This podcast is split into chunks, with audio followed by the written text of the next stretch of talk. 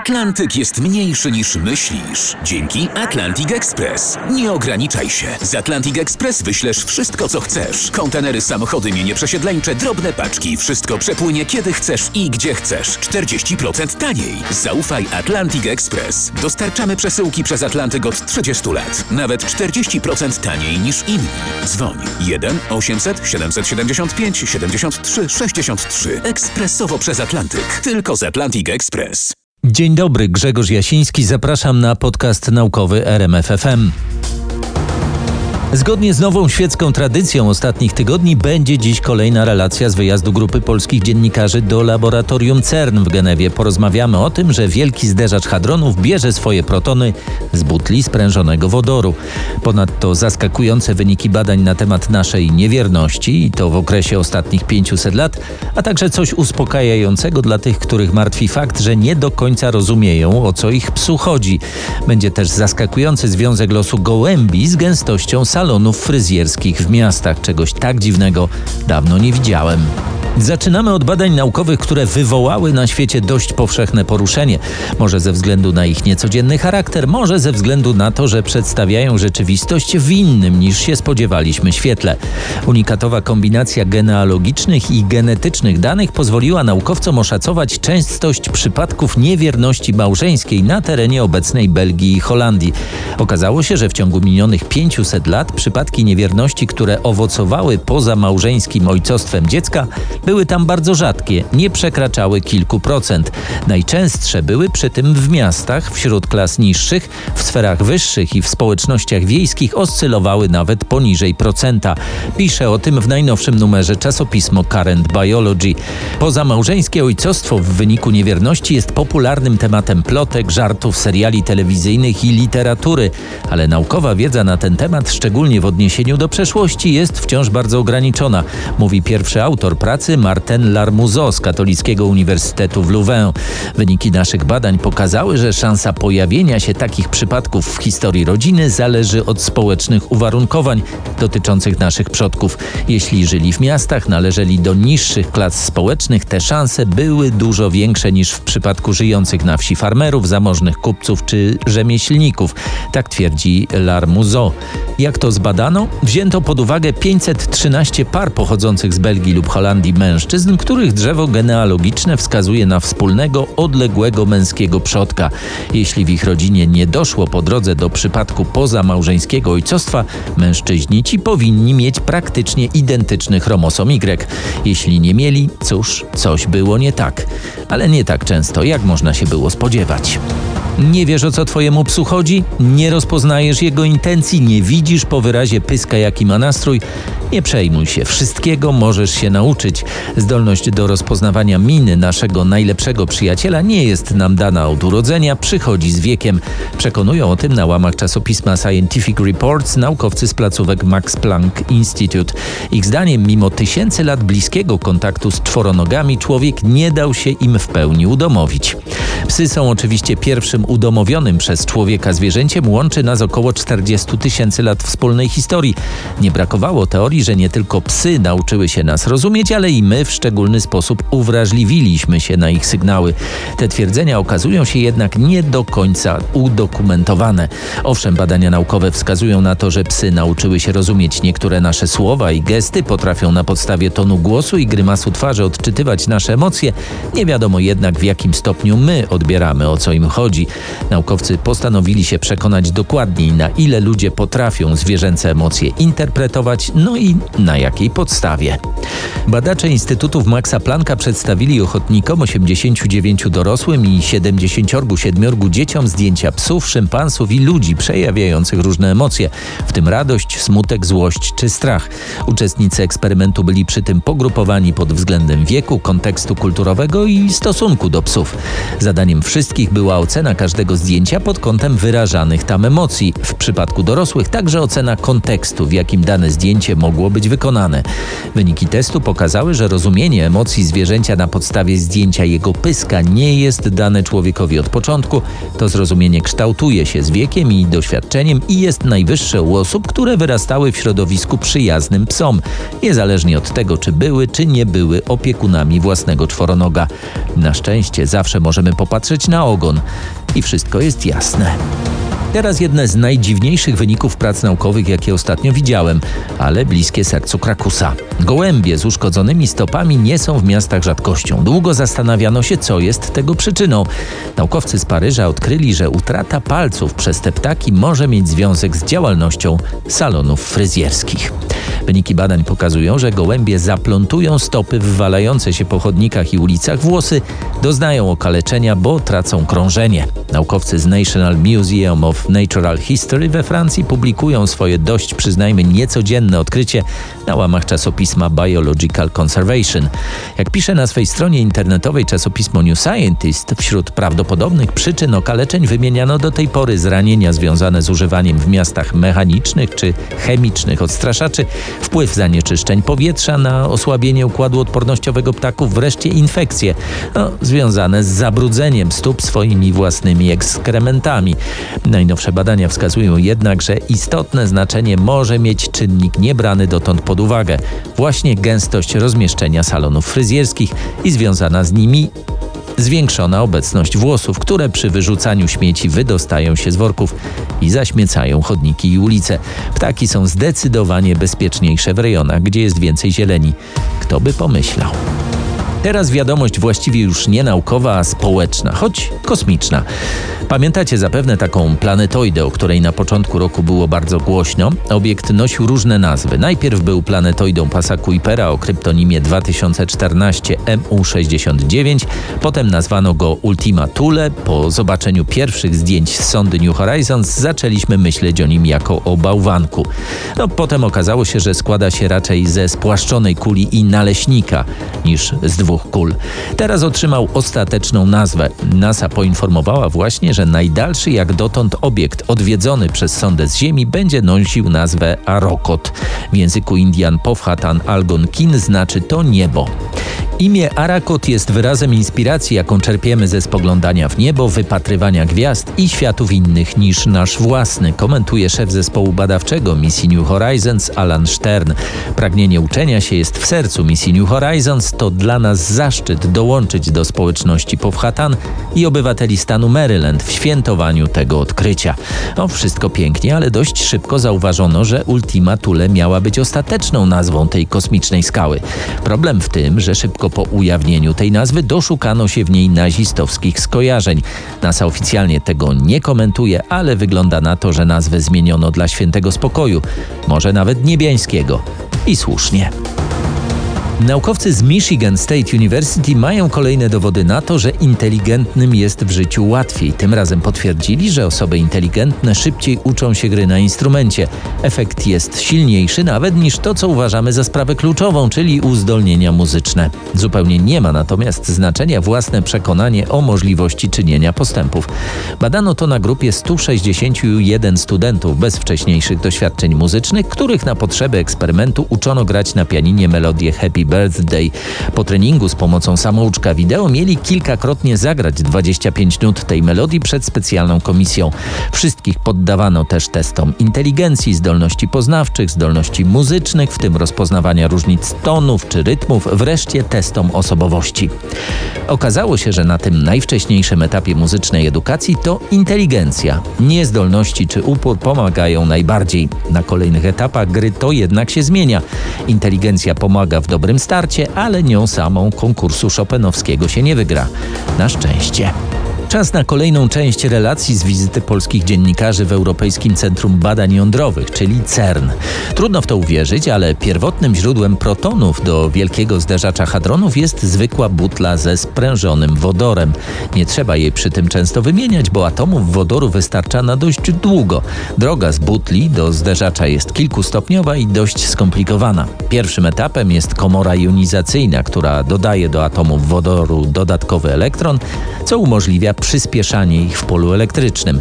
Stworzenie z nich odpowiedniej wiązki to zadanie przyspieszacza liniowego. Po niemal dwóch dekadach projektowania i konstrukcji pracę w tej roli rozpoczyna nowy akcelerator LINAC 4, który ma zapewnić wiązkę o parametrach odpowiednich do pracy zderzacza w warunkach wysokiej intensywności. Wnęki rezonansowe do 12 1,5 metrowych struktur przyspieszających Linaka 4 powstały w Polsce w Narodowym Centrum Badań Jądrowych w Świerku. Przez 40 lat kompleks akceleratorów CERN zasilał protonami liniowy akcelerator Linak 2. Z czasem jednak zapewniana przez to urządzenie energia i intensywność wiązki przestały wystarczać, no i dla potrzeb modernizowanego LHC, szczególnie w następnym etapie jego pracy, konieczna była budowa nowego przyspieszacza. Linak 4 został oficjalnie uruchomiony w maju 2017 roku, no i wciąż przechodzi ostatnie testy przed włączeniem go w system akceleratorów prowadzących wiązkę do LHC. Od przyszłego roku będzie podawał wiązkę do akceleratora PSB Proton Synchrotron Booster. Przy przejściu z Linaka 4 do PSB ujemne jony wodoru, o których wspomniałem, będą pozbawiane dwóch elektronów, pozostaną już w wiązce same protony. Pod koniec października tego roku Linak 4 osiągnął już nominalną energię wiązki na poziomie 160 MeV. PSB ma zacząć pracę z nową wiązką we wrześniu 2020 roku. Po naziemnej hali akceleratora Linak 4 oprowadzał nas Mauricio Wretenar, szef projektu budowy tego akceleratora. Jesteśmy w miejscu, gdzie cząstki powstają. Przy źródle jonów jest duża butla sprężonego wodoru, gdzie jest wystarczająco dużo protonów na wiele lat pracy wielkiego zderzacza hadronów. Nie trzeba więc często jej wymieniać. Nie trzeba. To zaskakujące, że tak niewiele wodoru potrzeba, by zabezpieczyć protony dla wszystkich prowadzonych w zderzaczu eksperymentów. Musimy wytłumaczyć, skąd bierze się charakterystyczny, słyszalny w tle miarowy dźwięk, przypominający metronom. Tu jesteśmy we wnętrzu naziemnej hali akceleratora, tu jest cała aparatura, której zadaniem jest przekazanie cząstkom energii. Poruszają się one w tunelu, który znajduje się dokładnie 12 metrów pod naszymi stopami po tej stronie. To, co słyszymy, to takie bicie serca akceleratora. Co sekundę źródło jonowe tworzy paczkę protonów. Ten dźwięk to rozładowanie się kondensatorów, które dają cząstkom energię. Kiedy przychodzę do tego budynku i słyszę ten hałas, jestem zadowolony. Jeśli bije, wszystko jest w porządku. Znaczną część struktury Linaka 4 zbudowano w Polsce w Narodowym Centrum Badań Jądrowych w Świerku. To wnęki rezonansowe do końcowych struktur przyspieszających. Akurat polskiej prototypowej wnęki rezonansowej tu nie mamy, bo była tak wysokiej jakości, że została od razu przeznaczona do ostatecznego montażu. Zbudowano je w Narodowym Centrum Badań Jądrowych w Świerku pod Warszawą. To 12 elementów, których zadaniem jest przeprowadzenie końcowego etapu przyspieszania od 100 do 160 MeV. W Polsce wykonano precyzyjną obróbkę tych części. Praca w miedzi jest bardzo trudna. Ten metal łatwo się podczas obróbki deformuje. Wszystko, muszę przyznać, przebiegło doskonale. Nie mieliśmy nawet jednej wpadki, jednego problemu. Linak 4 ma 86 metrów. Składa się z fragmentów, którymi zajmują się różne grupy naukowców i inżynierów. W tej, która ma pod opieką pierwszy odcinek, pracuje na stażu technicznym studentka Politechniki Warszawskiej Magdalena Kaja. Trzeba tam stworzyć spójną wiązkę z jonów, które się bardzo silnie odpychają. Produkujemy jony w źródle i następnie musimy je wyprowadzić. E, No i teraz e, zmieniliśmy metodę na... z- Wcześniej korzystaliśmy z e, jonów dodatnich, teraz korzystamy z jonów ujemnych. No i e, tam jest bardzo duże oddziaływania są, przecież to jest sam ładunek, więc ta wiązka nam się e, ro, chce rozprzestrzeniać. Musimy ją e, z, skompensować tę tę- tą siłę, więc wpuszczamy gaz i staramy się ją właśnie e, doprowadzić do części, w której przyspieszamy, to się nazywa RFQ cavity i już tak większymi energiami przyspieszamy, przyspieszamy tą wiązkę. E, No i ja zajmuję się częścią też tak bardziej z komputerem współpracuję, czyli jakieś symulacje, jakie parametry ustawić e, z tych magnesów, e, żeby przeprowadzić tę wiązkę na koniec przy różnych ciśnieniu, taki, czyli symulacje i analizę danych z różnych detektorów przeprowadzam. Przeprowadza Pani wiązkę przez jaką długość całej instalacji? Dwa metry? Tak, ja mam, ja mam od źródła właśnie do RFQ Cavity, ja mam dwa metry, w której ja na tym pracuję i staram się, żeby ta wiązka miała jak najlepszą transmisję, jak najwięcej prądu dostarczyła dostarczyli, żebyśmy dostarczyli na sam koniec. To trochę krótka chwila jest w życiu tej wiązki. E, tak, to prawda, ale no jest bardzo ważna, bo jednak no, ciężko jest doprowadzić z samego źródła e, wiązkę. Ta wiązka musi jak najbardziej skupiona, jak, na, jak najładniejsza, żeby ją potem móc dalej z nią coś robić, więc ona po wyjściu że jest tak dość rozprzestrzeniona, jest dość duża, a my chcemy ją jakby skupić, żeby ona była jak najmniejsza i jak najładniej nam się potem Jakie, jakie są parametry tej wiązki w tej chwili w porównaniu z tym, co chcecie Państwo mieć w momencie, kiedy e, Lineac 4 będzie już e, pracował? Myślę, że jesteśmy na bardzo dobrej drodze, że będziemy mogli e, to jakby ruszyć. No, nam, e, bo nasza wiązka z Linaka czwórki wchodzi do e, boostera, tak. No to oni nam dali jakieś tam parametry, które musimy, ta wiązka musi spełniać, żeby faktycznie można było ją dalej przeprowadzić, no ale e, jak na razie wszystko jest na, jest na dobrej drodze, więc, więc jest okej.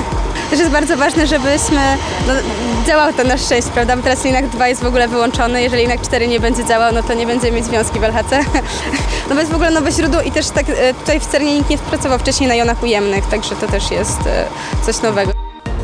O tym, co z wiązką opuszczającą Linak 4 dzieje się dalej, opowiedział polskim dziennikarzom dr Andrzej Siemko z CERN. Zanim protony z pozbawionych elektronów jonów wodorkowych trafią do wielkiego zderzacza hadronów, muszą przejść jeszcze przez trzy akceleratory kołowe. Pierwszy to PSB, czyli wspomniany Proton Synchrotron Booster.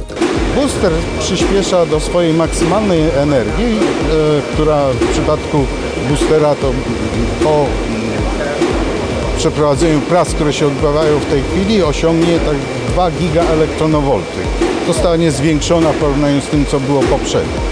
Booster wysyła cząstki do następnego akceleratora, który jest już dużo większy od boostera, bo ma około 700 metrów obwodu, co w porównaniu z LHC jest bardzo małym urządzeniem, ale jest już stosunkowo duże, 700 metrów i to jest to synchrotron protonowy, który został zbudowany i oddany do użytku w 1959 roku.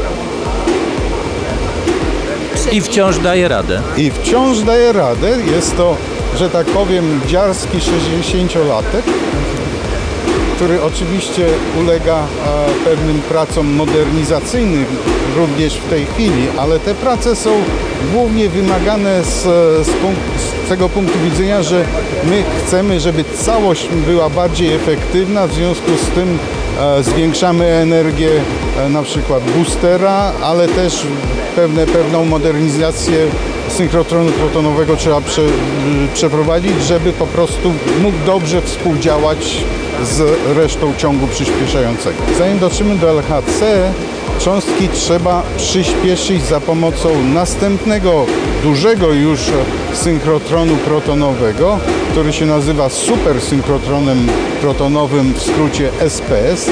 Jest to, to jest kołowy, wszystkie pozostałe są kołowe.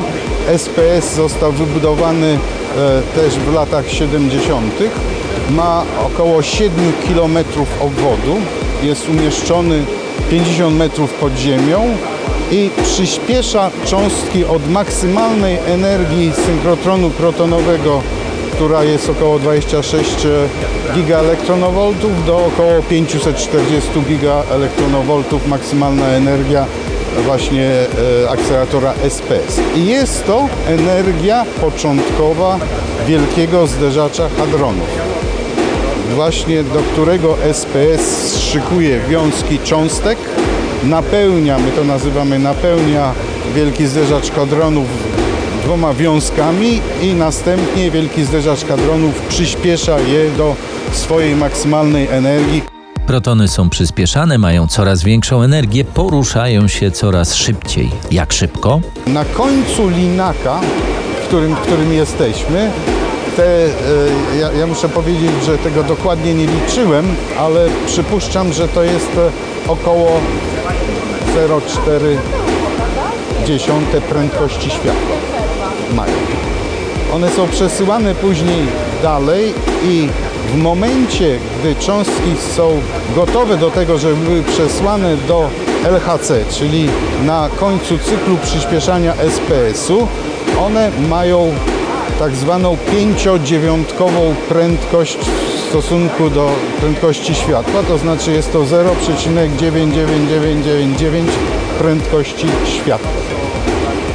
One są re relatywistyczne i praktycznie krążą z prędkością światła. W związku z tym ten przesył trwa mikrosekundy. W LHC jeden obieg też trwa bardzo krótko, 89 mikrosekund. Te, te, te protony obiegają w przeciągu jednej sekundy e, LHC około 11 tysięcy razy. A po co obiegają? A o tym już następnym razem. Na kolejną porcję informacji naukowych i kolejną część wycieczki po CERN, wielkim zderzaczu hadronów i prowadzonych tam eksperymentach zapraszam w następnym podcaście naukowym RMFFM.